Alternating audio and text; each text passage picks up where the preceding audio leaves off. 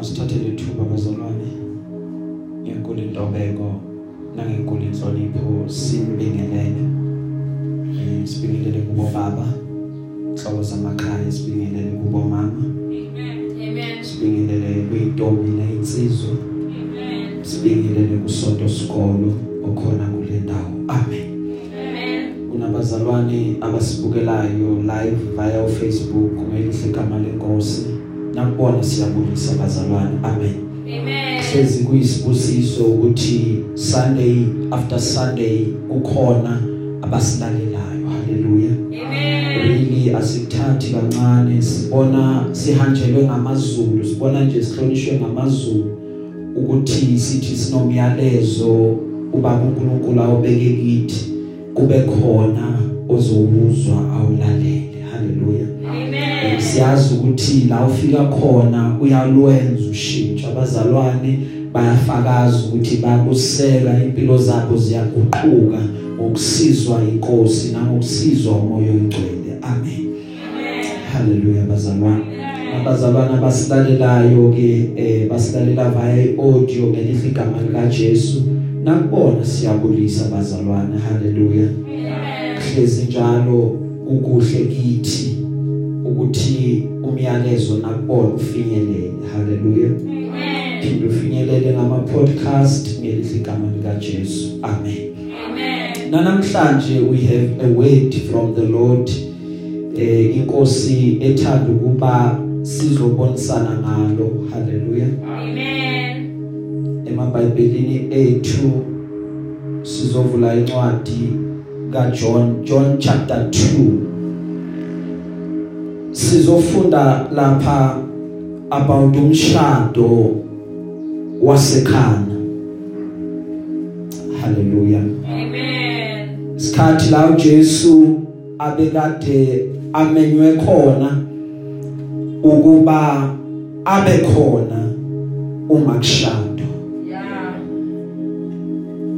iBhayibheli lesizulu lithi isimangaliso sokuqala saka Jesu okusho ukuthi isona wasenza before azokwenza zonke lezi zinye that is the significant significance yalendaba. Hallelujah. Amen. ukuthi sona sokuqala awaqala ngaso.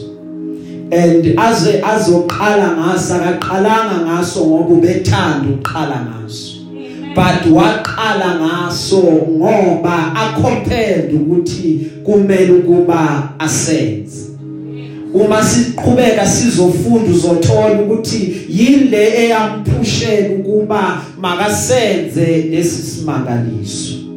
Ngoba it's not like ubethandile ukuthi hayi njengoba kunje kunalenkinga seyikhona ngizosenza bese kuyabonakala. Cha bo khona weza kuye. Waba moved ukuthi mangenza okuthile glory be to God. Amen. sifunda uJohn 2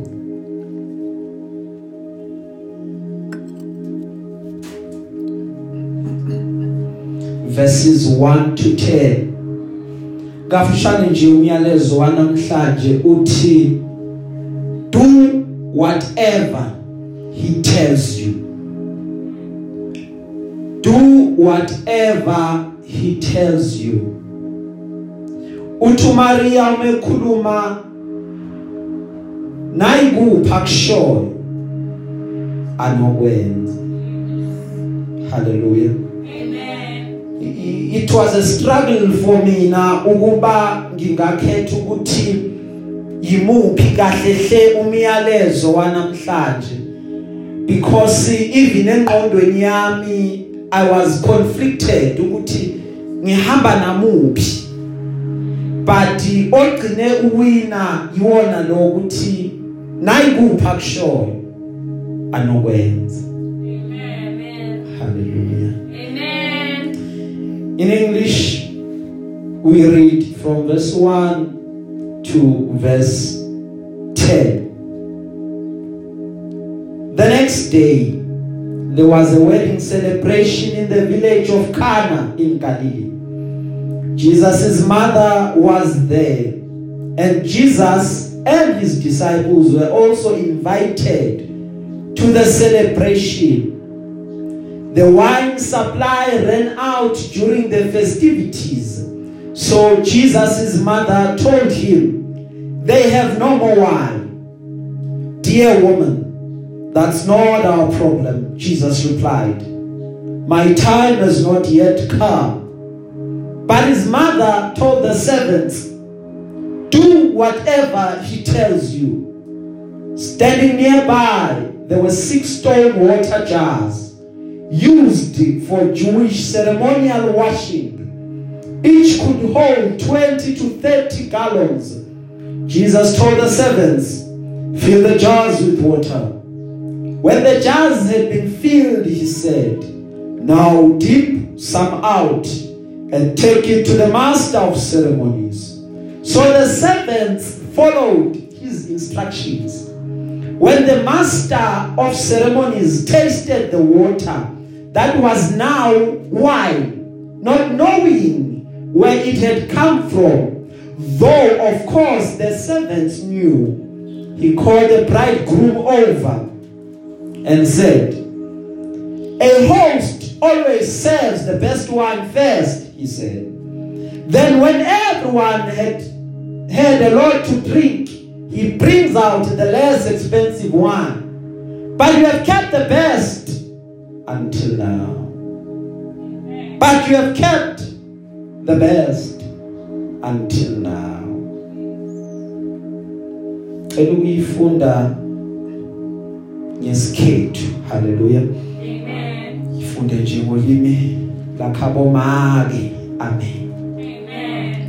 Hlobo lapha sithi ukhazi bekana Ngelanga lesithathu kwaba nobukhazi ekhana leGalile. Unina laka Jesu akhona naye lapho. uJesu nabafundi bakhe kade bamenyiwe ebukhazini nobo Kwathi bona iwayini liphele unina laka Jesu wathi kuye abasenalo iwayini. Jesu wamphendula wathi uma angakhathazeki ngokuqalene nami isikhathi sami sikafiki yeke unina wathi encekwini yenzani nanyana yini akuchoko bekuheme lapho imjeka yamanzi emthandathu. Ibekwe ngesiko lesijuda lokuzihlambulula.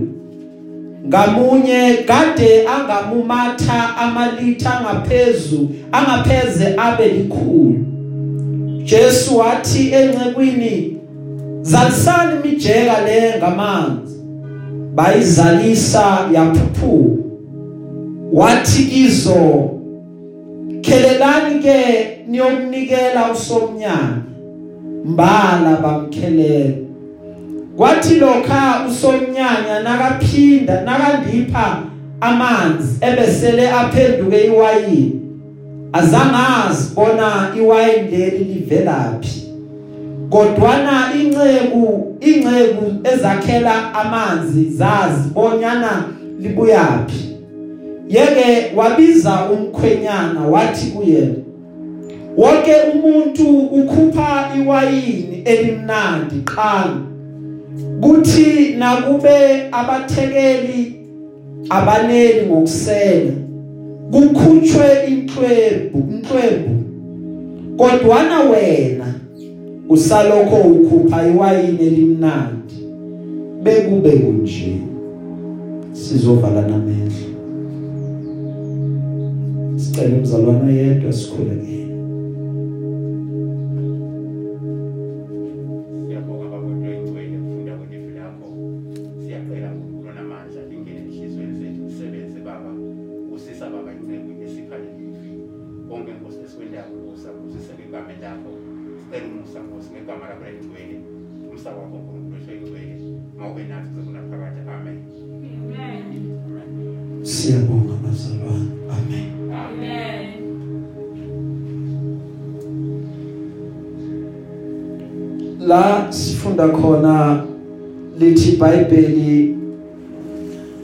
bekade kungusuku lwesithathu. Uma kusuku lwesithathu kukhona umshado ekhana laseGalile. Amen. what is significant kulomshado ukuba uJesu nabafundi bakhe bebakade bamenyiwe uJesu nabafundi bakhe bekungezinye zecukuthwane ezikhona kulomshado umkhwenyana benomakoti bahlakanipha ukuba bameme uJesu nabafundi izinto zihamba kahle. Ngifuna ukuthi nawe kweyakho impilo uma ubona izinto zikulungela zikuhambela kahle. Make it a point ukuthi uJesu ukhona. Akuthi usahamba ngesikebe sakho sempilo ungaqhubeki kanti uJesu akekho. Mumeme ahlala khona benomoya oyingcwele njalo uma wenza konke lokwenzayo wazi ukuthi angihambi ngingedwa but inkosi yamakhosi iyenza konke lokwenzayo nami ikhona la inami. Ngobani? Ngoba ngelinye lamalanga noma ngesinye isikhathi khona la kuyobheda khona. Bese umbuzo uthi ithemba lakho likuphi? Ngoba lempilo esiphilayo inezinto nezimo ehamba hamba zibhede. Kukhona isikhathi la kufika khona ivunguvungu ezizonyakazisa but we praise God ngoba uNkulunkulu ushilo wathembisa ukuthi uma umoya wombuso ukuvukela akumele kuba bese uyayishiya indawo yakho. And when umoya kaSathane uza wesitha uzohlasela njengamagagasi umoya kaNkulunkulu uyalinyusa izinga. Provided ukhona kuleyo ndawo. Provided wamenywa ngabahlala khona ngoba kavuma ukuthi isimo size sonakale yena ekhona. Noma mekhona phakathi komkhumbi wakho akavuma ukuba ucwile yena ekhona. Amanzi azongena ngaphakathi but rest assured aniyikufa Yeah. glory be to God. Amen. so kule mpilo esiphilayo si siyamdinga ukuthi abe khona kuyadinga ukuthi noma uzophuma qale emkhulekweni Yeah. baba hamba na Yeah. indlela ngiya noma uyijwayele kangaka baba ngiyazi indlela Yeah. ngoba ukuthi uyijwayele akusho ukuthi iyolunga namhlanje Yeah. akusho ukuthi namhlanje uyohamba njengenjwayelo ungathi uthi uphuma uye store ufike ushayiswe imoto ungakaye Yeah. bathi vele yaqhamuka yakhwela phezulu kwakhe. So awuna guarantee ukuthi mangisuka la ngiyalapha ngiyohamba kahle. That is why kumele ngiyoqela indlela enkosini.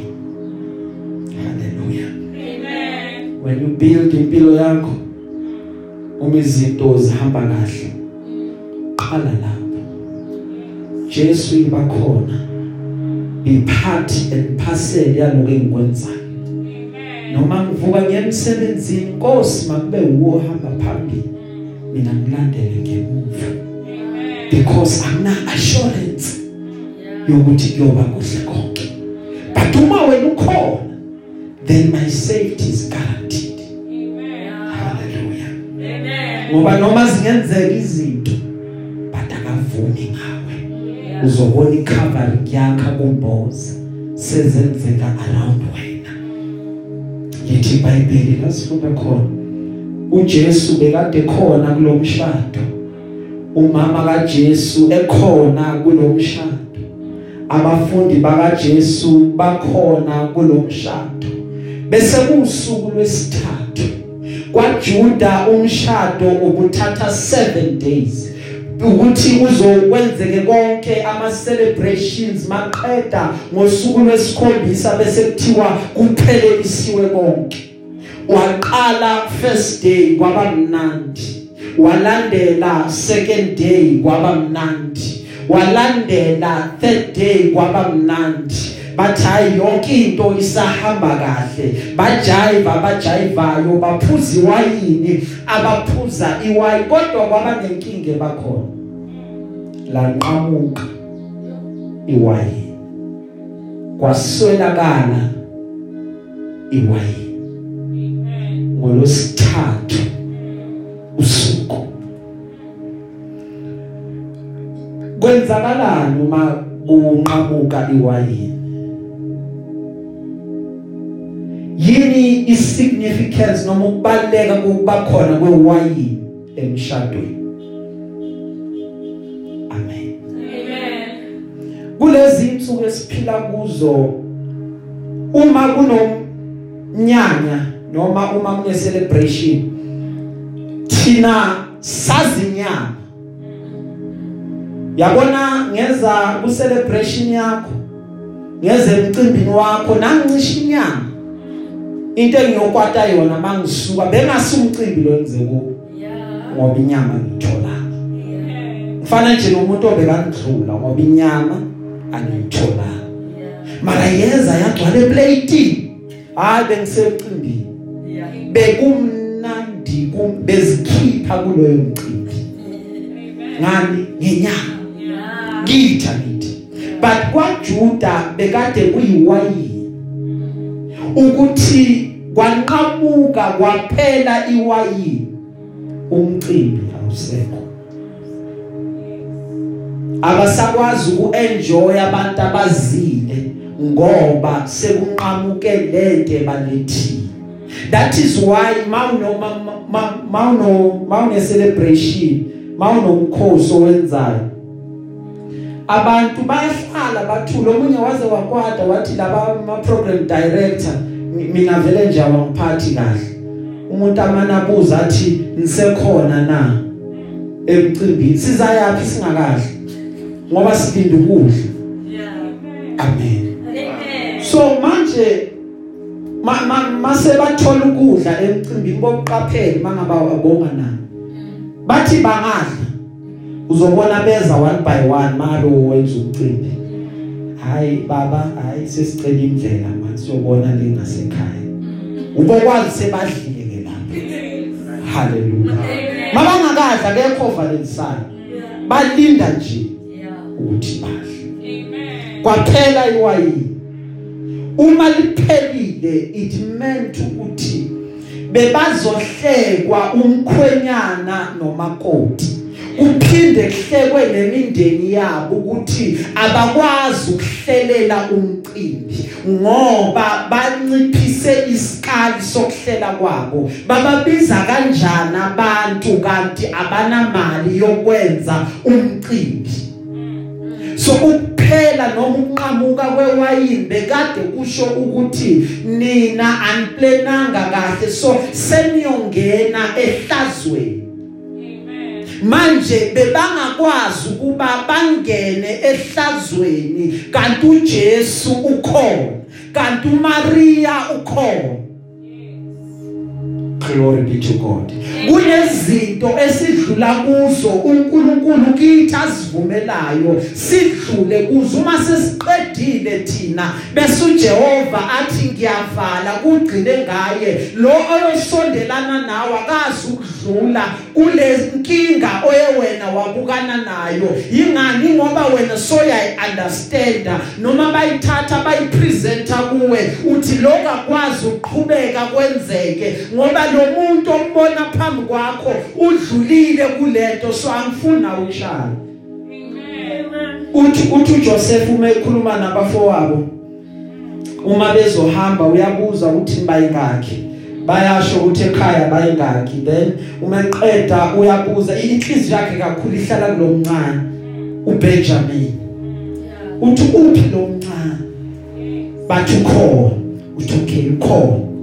Ngoba naye bekade amncane bafowabo inkathi bamdayisa. Bathi ukhona. Uthi okay ubala iminyaka oh uBenjamin usekhona. Kusho ukuthi yena bamdayisana. Uma sebezophuma behamba uthi bafowethu. Ningacabani endleleni.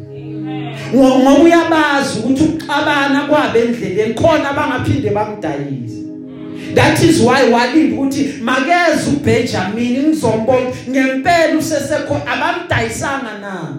Njengoba benza kimi. Because kunezinto ezithi masidlule kuzo thina bese sithi stop. Lo odlula kuye usengakayi understand ngoba ngasikhathi inqondo iba confused umedlula akazi ukuthi la ngiyokwenza njani. But because wena sowunamehlo okubona ngale uthi ayizukuqhubeka lento Amen. that is why even nala emthandazweni wakho uyakwazi ukuthi uyinqake noma uyinqabule. Yeah. because already seyishaye wena uyazi ipain yakho Amen. glory be to God uma uMaria ekhona. Ngifuna nje uunderstand isignificance kaMaria ngokuba khona kuleli khaya kuzoshadwa kulo. Haleluya Amen. bese uqonda ukubaleka kwakaJesu ngokuba khona kule ndawo kushadwa kuyo. Amen. ubani kanti lo Jesu? Uye lo okwaprofetwa ngaye kwathiwa uyeza umsindisi kwaIsrayeli. Nguyena lo owathi uMaria elungiselela ukushada noJoseph. Kwafika ingelosi kuye yathi ewena ufumene umusa esifazaneni wamangala uMaria ukuthi ukubingelela kunjani lo ngoba ngujwayelanga. Wathi ingelosi umikhuluma naye uGabriel yathi kuye uzokhulelwa uzale umntwana. Bese loyo mntwana uyakuba umsindisi besizwe sakaNkuluNkulu okunguIsrayeli. Wabuza umbuzo wodwa uMaria ukuthi kuzokwenzeka kanjani lokhu? Ngoba mina indoda ngingayazi. Bathi khuleka Maria umoya oyingcwele uzokusibekela uhlale phezulu kwakho bese uyakhulelwa uzala ingane. Le ngane ivela from ezulwini ayiveli from emhlabeni ayiveli from kumuntu. Uma sekazwe lokho wathi akubekini njengokusho kwezwi lakho ngoba mina ngincekazi kaNkuluNkulu intando yenkosi ayenzeke uma seqedile ukuvuma bese umoya oyingcwele uma eza kuye ezohlala kuye kanti uJoseph ukhona uJoseph wathi ayenze kanjani lento mina sengifuna ukuphuma ngiyeke konke lokho but yabuya ingelosi nesineke yaya kuJoseph yathi ungamlahli uMaria ngoba lokho kwenzekile akusiko ukuthi kufika umuntu but umoya oyingcwele so that mina nizothwala umsindisi wesizwe sakaNkuluNkulu. Maqeda uyamqamba igama lokuthi unguImmanuel okusho ukuthi inkosi inathi umsindisi ukhona phakathi kwethu. Waqhubeka kuJoseph ehamba noMaria akazange amlahle ngoba ingelosi seyikhulumile kuye. Bese lithi iBhayibheli uma likhuluma kwabonakala inkanyezi. Kumadoda amathatha ekade lusile elithi iBhayibheli wakade akwazi even to understand iastronomy. A understand ukufunda akwazi ukufunda inkanyezi. Ukuthi inkanyezi ayifani le iyakhuluma le ayikhuluma babona inkanyezi balusile. Athi inkanyezi ibonakala ndini kakhulu ngoba umnyama? Bathi basenze balusile.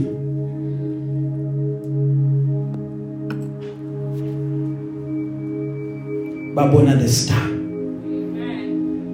baqeda bathi masukeni madoda because sekunezinto esizwa siphambana. Sekukhona ozelwe ayinkosi kwaIsrael baqeda bathi asukeni madoda sihambeni. Lithi iBhayibheli basuka bathatha uhambo olude behamba nje belandela inkanyezi. Inkanyezi lokibahole njalo. La kubo baphethe izipho ukuthi bayofike bakhuleke kule nkosi esizelwe. Lithi iBhayibheli baqhubeka njalo inkanyezi yahamba nabo. Beloku beyilandele beyibukile phezulu esibhakabhakeni. Lithi iBhayibheli yabahola inkanyezi yaze yabafikisa endlini kaHerode yabafikisa esigodlweni senkosi uHerode. Lithi iBhayibheli bathi uma befika esigodlweni yanyamalala inkanyezi bangasayibona inkanyezi. Bangena ngaphakathi ba- baba nombuzo wodwa. Bathi uphi lozelwe inkosi kwaIsrayeli? Uphi lozelwa zosindisa isizwe sakwaIsrayeli? Lithi iBhayibheli uHerode wathuka neJerusalem lemalonke ukuthi ubani lozelo zonketule esihlalweni? Wabuzisisa uHerode ukuthi ubathe uyozalwa kuphi? Bathi hayi bathe uzalwa khona khona la. That is why sizile sizobuza. Bese lithi iBhayibheli baphuma bahamba beloku belandele ini inkanyezi. Wabiza uHerode abafundisi bakhe. Wabiza abantu abazimibhalo wababuza umbuzo ukuthi umsindisi uyozalwa kuphi? Njengokusho kwemibhalo bathi uyozalelwe eBethlehem Juda. Because umbhalo uyasho ukuthi nawe Bethlehem awumncinyana ngoba kuwe kuyovela inkosi eyakusindisa isizwe samo Israyeli. Wakwathu uHerode but ewatshelile amadoda ukuthi hambani nifike nikhonze kuye nami ngizoza bese ngizokhothama kuye. Lithi iBhayibheli uNkulunkulu wawaqhuba lamadoda wawavezela futhi inkanyezi. Uma bebona inkanyezi bathokoza ukuyibona. Amen. haleluya. Amen. uma bebona inkanyezi abaqhuba.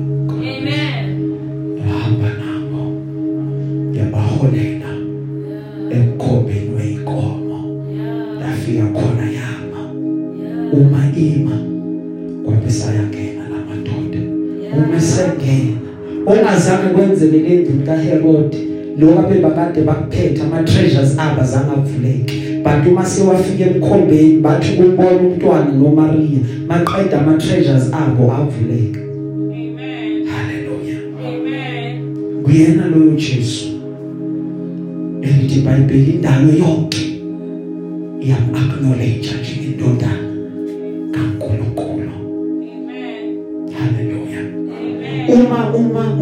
lamadoda sefikile uHerode wafuna ukubulala umntwana but uNkulunkulu ngokwecebo lakhe wamsindisa umntwana wasinda umntwana.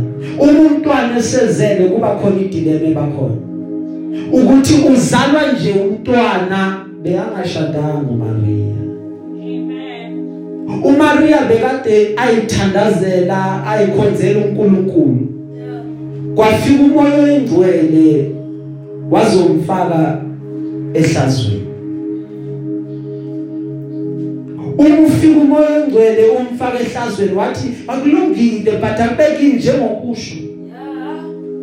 kwezwi lengelosi. Yeah. wathwala ihlazo ukuthi uzele ingane engakashadi. Yeah. ogama layo linguJesu. Bese lithi ke iBhayibheli esilifundayo. Wakhulu Jesu. Wakhulu Jesu ngale siphambanweni lithi iBhayibheli wabethelwa emthini wohlazo ukuze athathe lonke uhlazo lwethu ukuze lonke uhlazo luqhamuke ngaye ukuze lonke uhlazo lusuke kuye. Walithabatha uhlazo lwethu. uMaria umeza uza ngokuthi nyalwazi uhlazo oluphathelene nezinto zomshado. Uthubuke lo kuvele lokho. Mara kwazeki ngoba kukhulunyiwe ngale ndodana kwathiwa ifani nabona bonke. Amen. ungumuntu ozosusa uhlazo.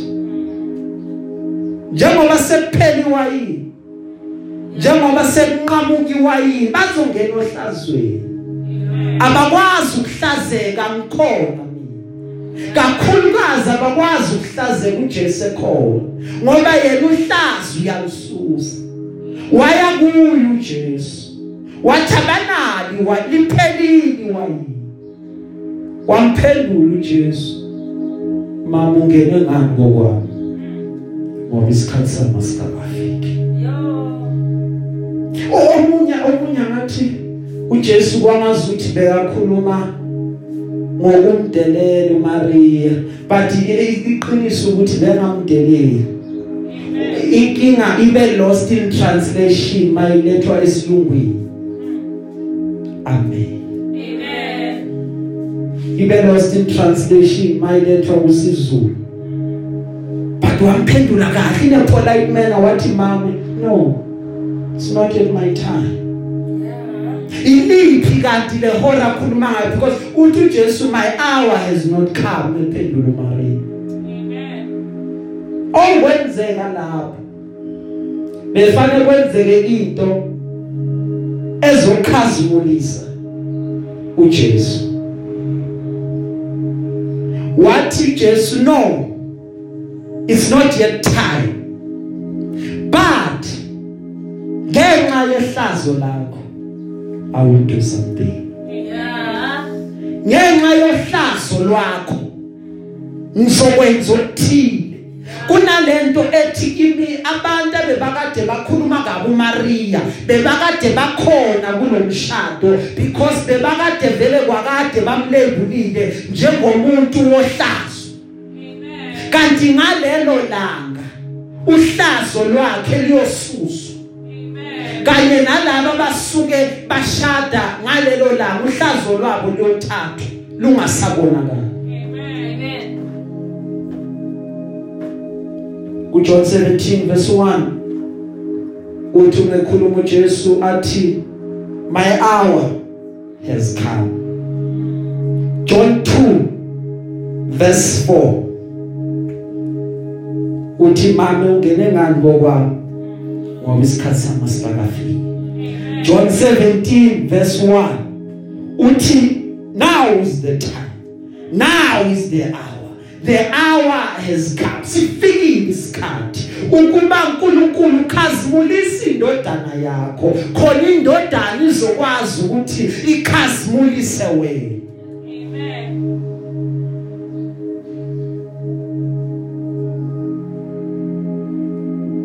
Wathumile incebweni asetsheliwe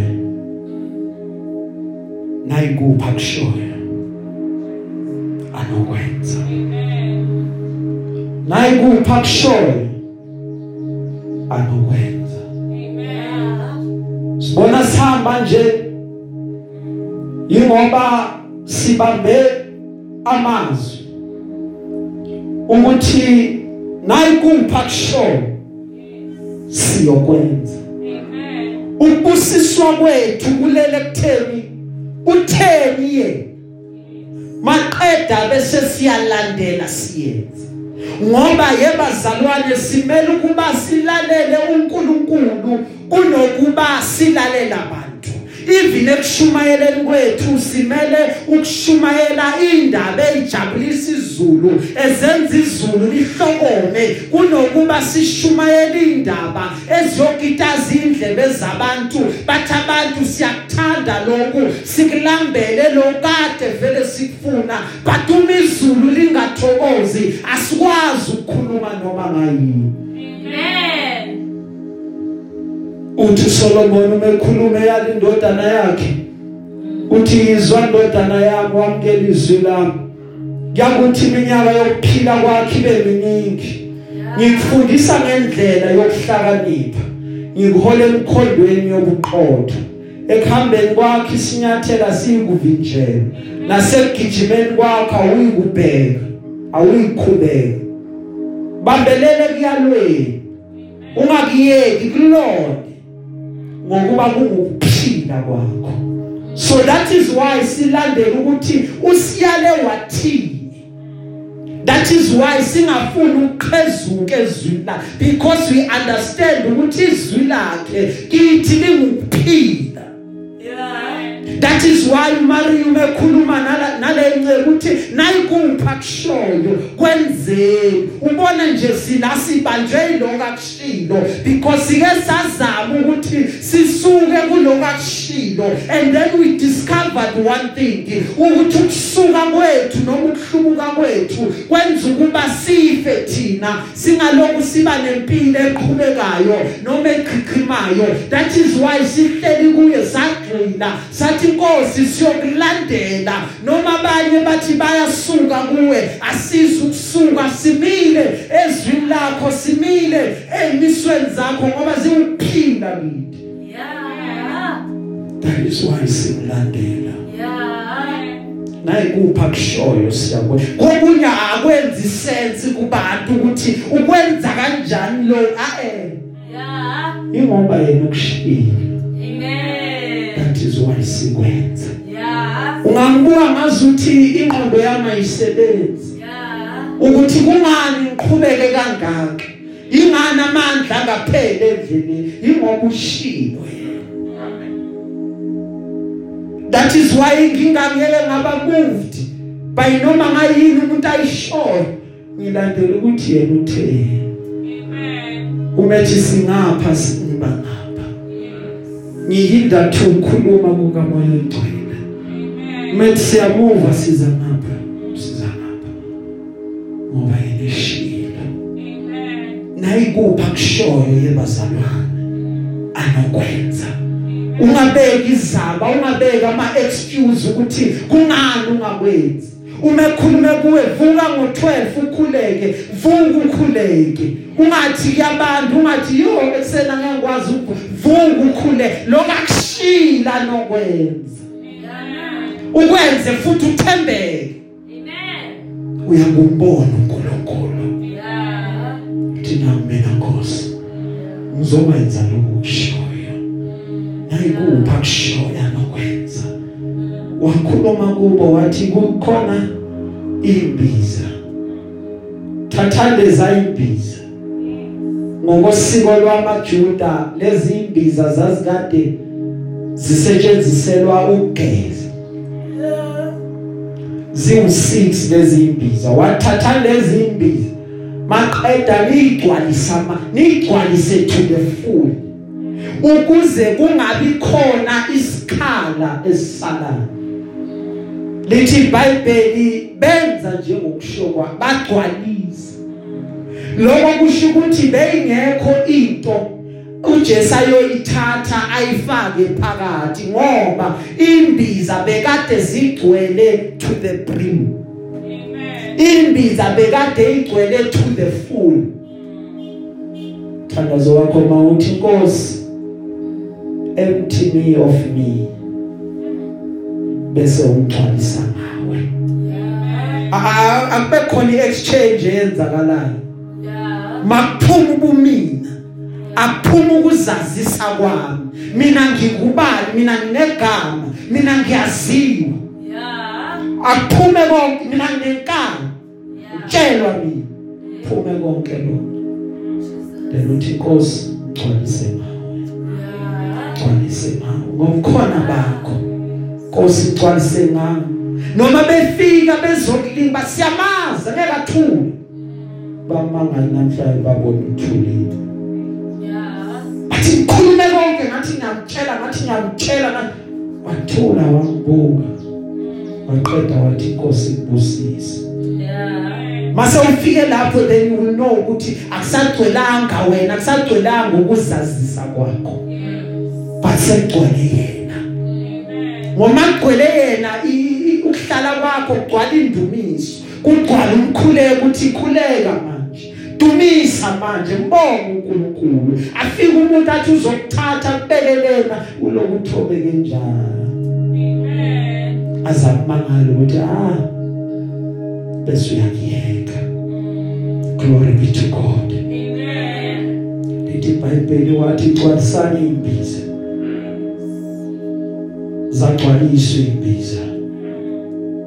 Uma sezigcwele imbiza uJesu wanikeza umyalelo olandelayo. Wathi njengoba seligcwalisile draw amanzi. Khiphana amanzi nimekise kumphathi wokudla because sekunento eyenzekile.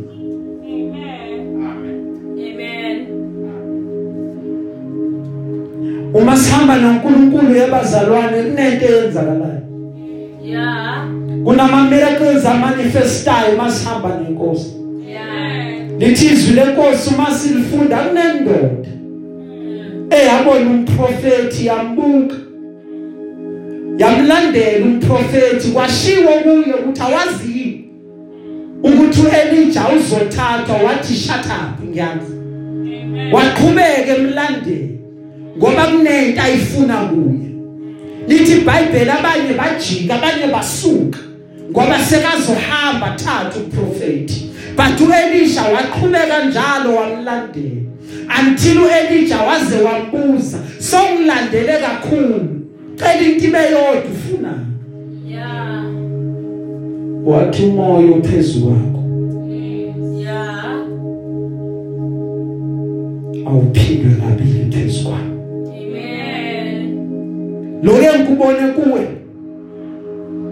may it be double empilweni yakho Amen. wathi lento iqhelile inzima kodwa izokwenzeka ukubona ngithatha wadlula uElijah Amen. enze 16 yama miracles wezu Elisha wasebenza wakhonza eseyamkela ingubo yenkazimulo wenza 31 yama miracles wadlula uElisha Amen. ababukayo ababhalayo bathi becele 32 kodwa kwenzeke 31 Amen. ukhohliwe yini uNkulunkulu?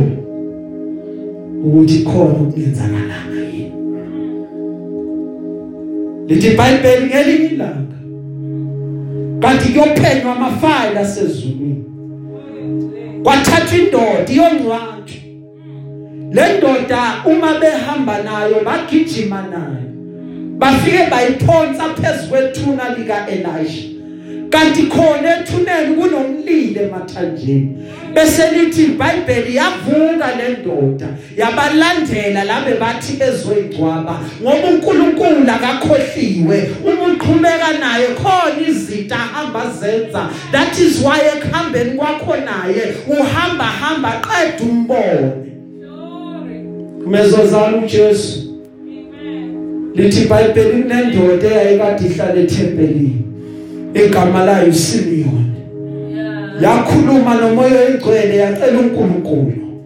Mangandluli kulomhlaba ukukhona bakho Nkosi ngingabonanga mangadluli kulomhlaba umsindisi ngingakamboni. Wafika umoya oyingcwele waafema uzukudlula ungakamboni umoya oyingcwele ungakamboni umsindisi kaIsrayeli.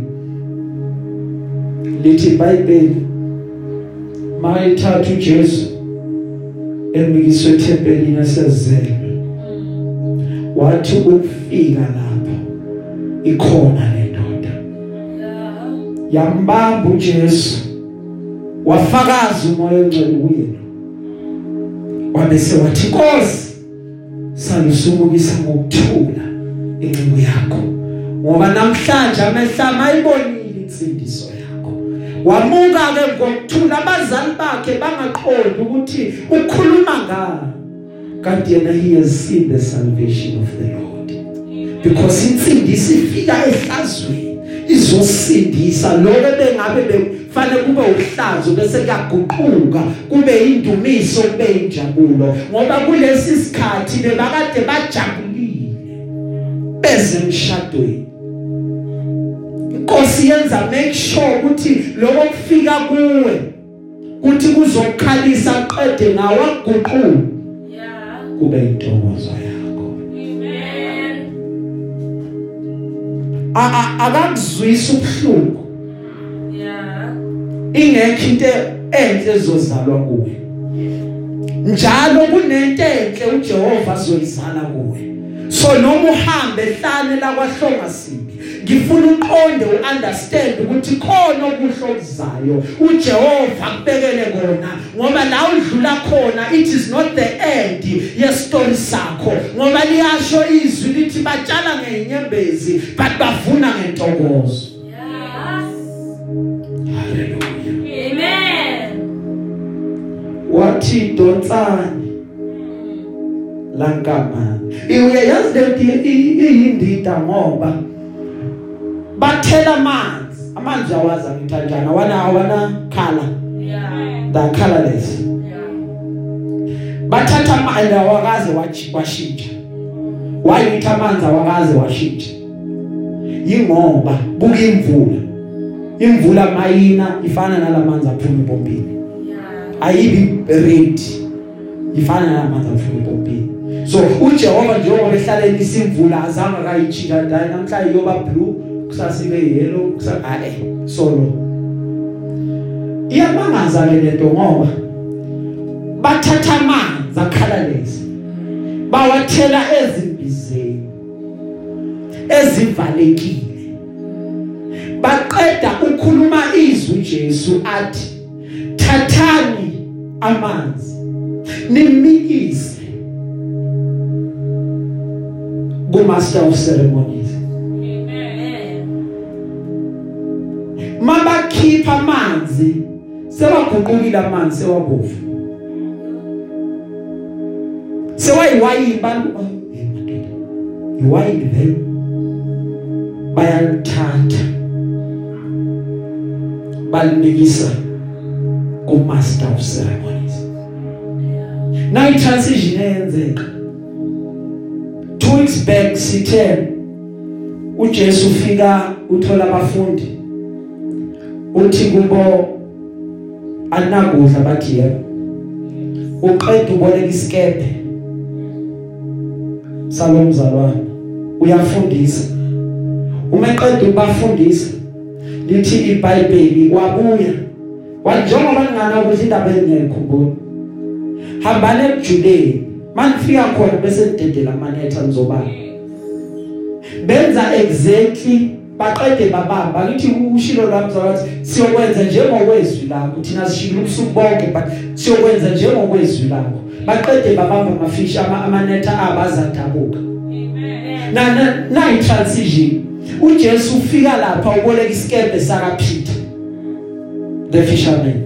Yeah. uma seqedile ukusiboleka uyasebenzisa uma seqedile ukusebenzisa uma sekambuyisela uphinde umbuyisela ngesidingo sakhe.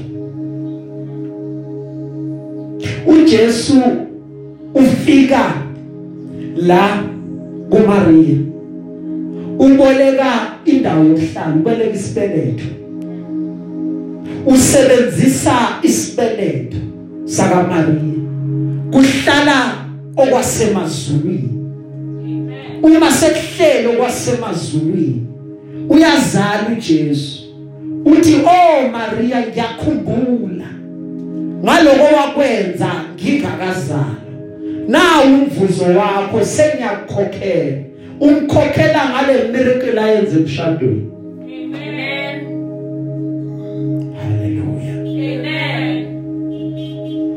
because in bible that's like the only miracle la mention called ukuthi uMaria weza kuJesu umamakhe wathi abasana wayini Amen. Then wenza something kuJesu ngaloku uMaria menzela kona in other words konke okwenzela inkosi it is not in vain. Inkosi izokukhokhela. Kungabukeka ngazuthi akusiko namhlanje but i want ukuthi uqhubeke wenze kahle. Inkosi ayikhohliwe ngawe inkosi izokukhokhela noma nawe sewukhohliwe but uJehova akakhohlwa ngoba uJehova uyawahambela amafayili amadala akhumbule ukuthi wenzani ngaloya nyaka maqeda buya sokukhokhela Amen. lithi ke iBhayibheli sesogcina bazalwane yikhana amanzi Yeah. yikhana Yeah. Nise kumphatho okuhle Yeah. bathatha sebakhile bamikisa kumphatho okuhle umphatho okudla uyazi mos mawuphuza iwayini awugcwalisi igazi Yeah. yabo ebe awushayi full ngathi uphuza i-cold drink Amen. shaya tot tot beke endaweni amen Amen. Manje uma bethatha iwayini bemikisa balifikisa kuye. Wathatha wataste. Wathangaze ngakubona kunje ngiyaqala ngqa ukuthi ngikubona ngoba besekukhona even a proverb ekhandiwe ngalezo insuku ngenxa yokubukwa ibehavior yabantu emicimbini uma abantu bezile bazojabula bezodansa kube mnandi. Uyabona mawuye emicimbini uzo understand ukuthi vele bafuna kube ngazuthi ingqondo yakhe iyalahleka kancane ngoba mawufika nje akuthule emcimbini. Kune violence kunengoma ezikhalayo fanele ulokudanse kancane mawukhuluma kube ngathi uyamemeza ngoba nizwani kahle bese bakulethela into yokuphuza uphuze vele bese uyanqamuka. Ngoba ujabulile nje ukuthi semcimbini manje nakulo mcimbi kuthiwa abantu bese babastadishile ukuthi ibehavior yabo ibanjani uma sebafika ezingeni elithile bekuyaye ukuthi bathathe iwayini elimnandi balibeke la iqaleni ukuthi bafika abantu baphuze baphuze baqede badakwe. Uma sebadakiwe kumnandi bayajayiva sebakhohlwe yonke into bese kuthathwe lipi bese bayanikezwa. Noma lele limnandi bekade kuyi expensive wine kulungi nawe mawulungiselela umcimbi bekade utshelwa kanjalo thenga lele lidurayo maqedwe uthenge nalele lishibhile bas angeke bakuzwe taste uma sebadakiwe ngoba wonke umuntu ukhipha leli limnandi qala bathi uma sebaphuzile badakwa besakhiphe leli libi ngoba i-taste abasayizwa sekumnandi kakhulu Amen. bese kwaziwa it even became a custom uma ungathi ngithenga leli limnandi phela wo thenga naleli. Ngoba i- indlela ese- sesayazi ijwayele inqubo ukuthi la emcimbini kwenziwa njani glory be to god. Amen. sesigcina ke bazalwane. Uma bemnika usho lo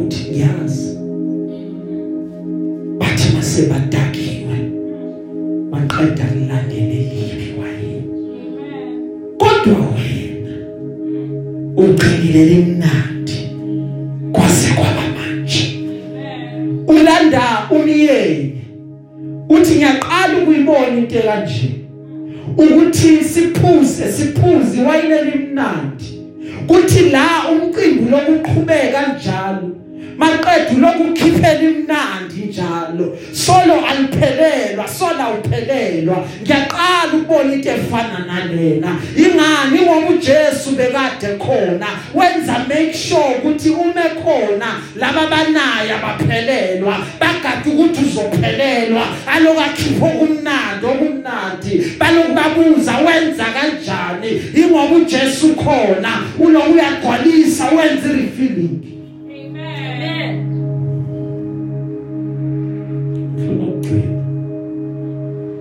uthi uphathe ukudla.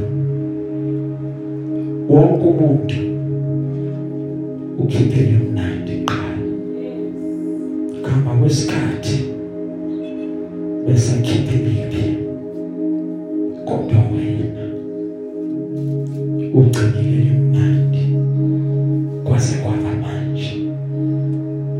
Wonke umuntu ingazuthi wena ufana wonke ingazuthi wena uhluki wenza ngani? Ngoba kulo wakho umshado ukhona uJesu. Ungenzi lutho sesigcina uJesu ngekho ngabe khona uJesu bazobona ukuthi kuwakufana bazobona ukuthi kuwe kuhlukile. Ingoba yena ukhona Amen. he makes the difference. Labantu balindele ukuthi ha kuyovela lo cha. Akuzuvela lokho. Ngoba ukhona yena. Amen. umuntu nomuntu ohamba naye. Umuntu nomuntu ohlala naye. Uba extraordinary akafani wonke Amen. that is why inkosi kwazi uqala izinto maqeda bese yayiqina Amen. ngoba uJehova wethu akaphelelwa Amen.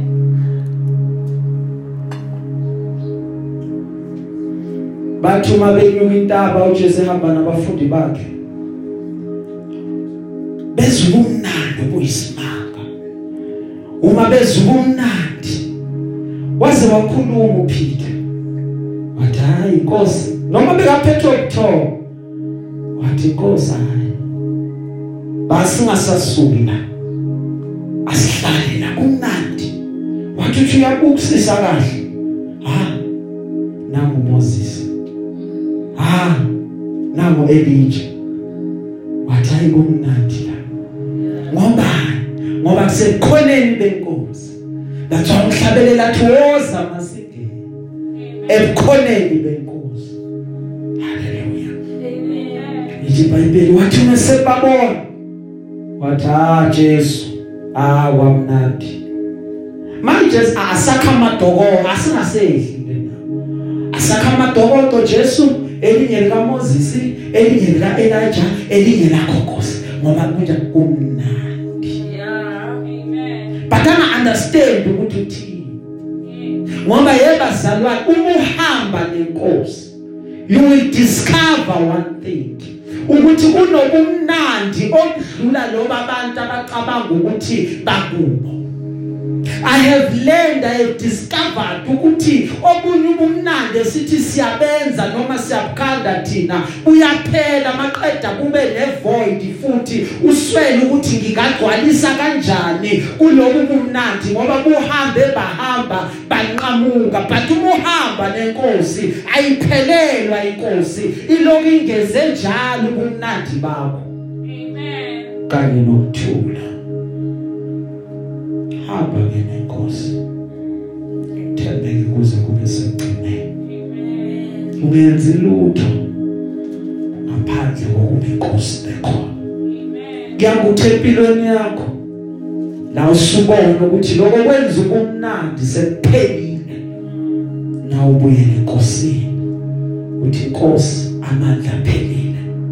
Angisanani wayini?